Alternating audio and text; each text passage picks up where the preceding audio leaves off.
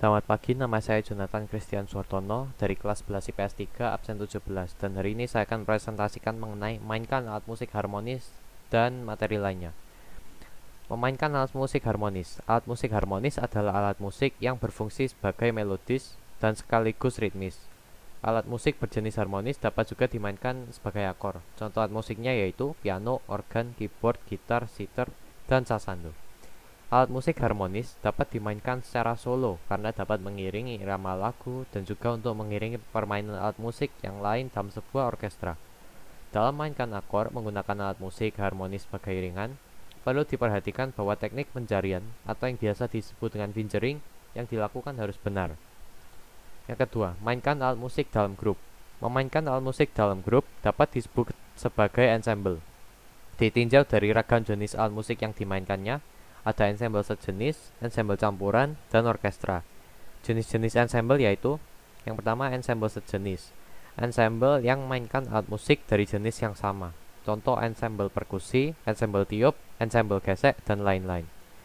Yang pertama, ensemble perkusi dimainkan dengan alat musik perkusi. Contoh alat musiknya yaitu rampak gendang, rebana, drum band, marching band, dan juga lain-lain.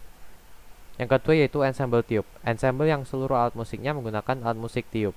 Contoh alat musiknya yaitu recorder, flute, trompet, saxophone, trombon, klarinet, oboe, dan juga French horn.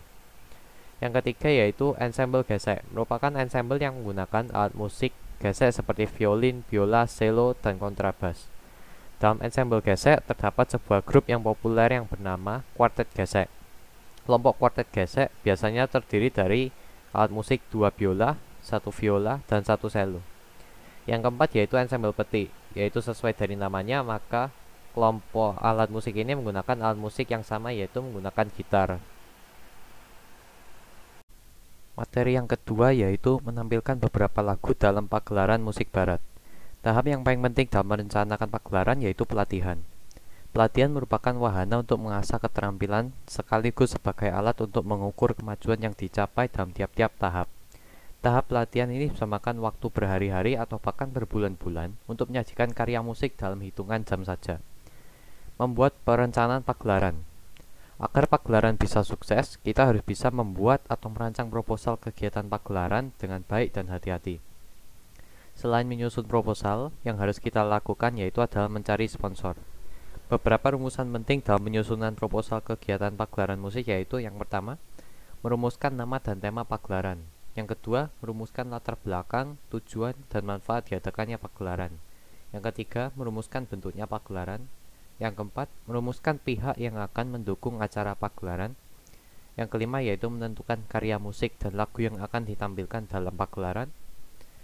Yang keenam yaitu menentukan tempat dan perkiraan penonton, termasuk juga setting tempat acara pagelaran. Yang ketujuh yaitu merumuskan rincian jadwal kegiatan yang ke-8 merumuskan anggaran biaya. Yang ke-9 yaitu menentukan siapa penanggung jawab dan susunan panitia pagelaran agar pagelaran bisa berjalan dengan lancar. Yang ke-10 yaitu menyertakan lampiran yang diperlukan ke dalam proposal.